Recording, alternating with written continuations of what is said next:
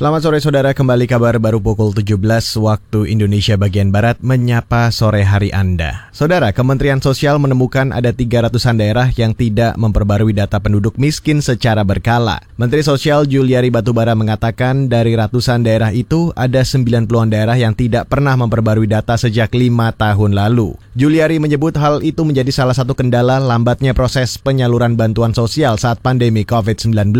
Penjelasan itu disampaikan Juliari dalam rapat dengan Komisi DPR bidang sosial hari ini. Saat ini sekitar 319 kabupaten kota mengupdate data kemiskinannya namun tidak sampai 50 persen. Yang tidak pernah update sama sekali dari tahun 2015 ada 92 kabupaten kota. Kemudian yang mengupdate lebih 50% dari datanya adalah 103 kabupaten kota. Jadi kalau diklasifikasikan yang paling parah begitu ya, ada 92 kabupaten kota.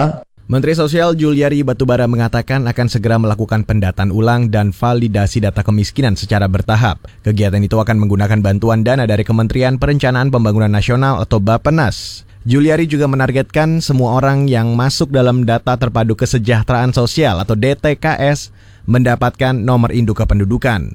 Menurut Juliari ada sekitar 97 juta individu yang masuk dalam DTKS, namun hanya 81 persen yang tercatat dalam data kependudukan Kementerian Dalam Negeri.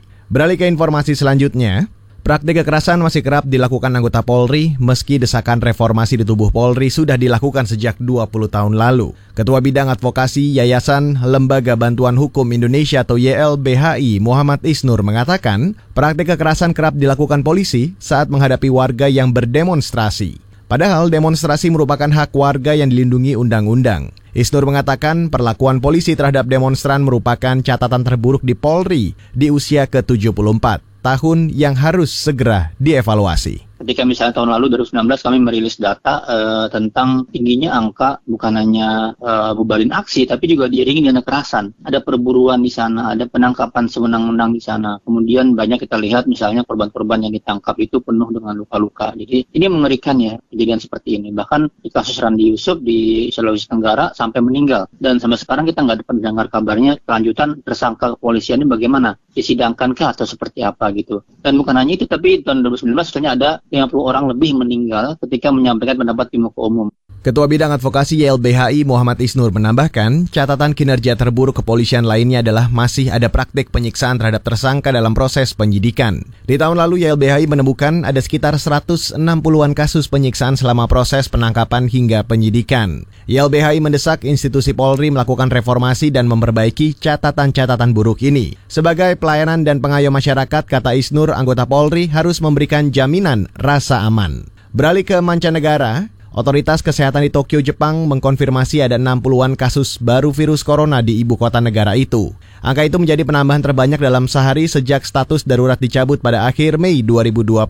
Mengutip Reuters, ini juga menjadi catatan keenam kalinya penambahan kasus virus corona di Tokyo lebih dari 50 kasus dalam sehari. Penambahan kasus yang meningkat drastis juga terjadi di prefektur Kanagawa. Dari 7 kasus menjadi 31 kasus baru dalam sehari. Demikian kabar baru KBR, saya Reski Mesanto.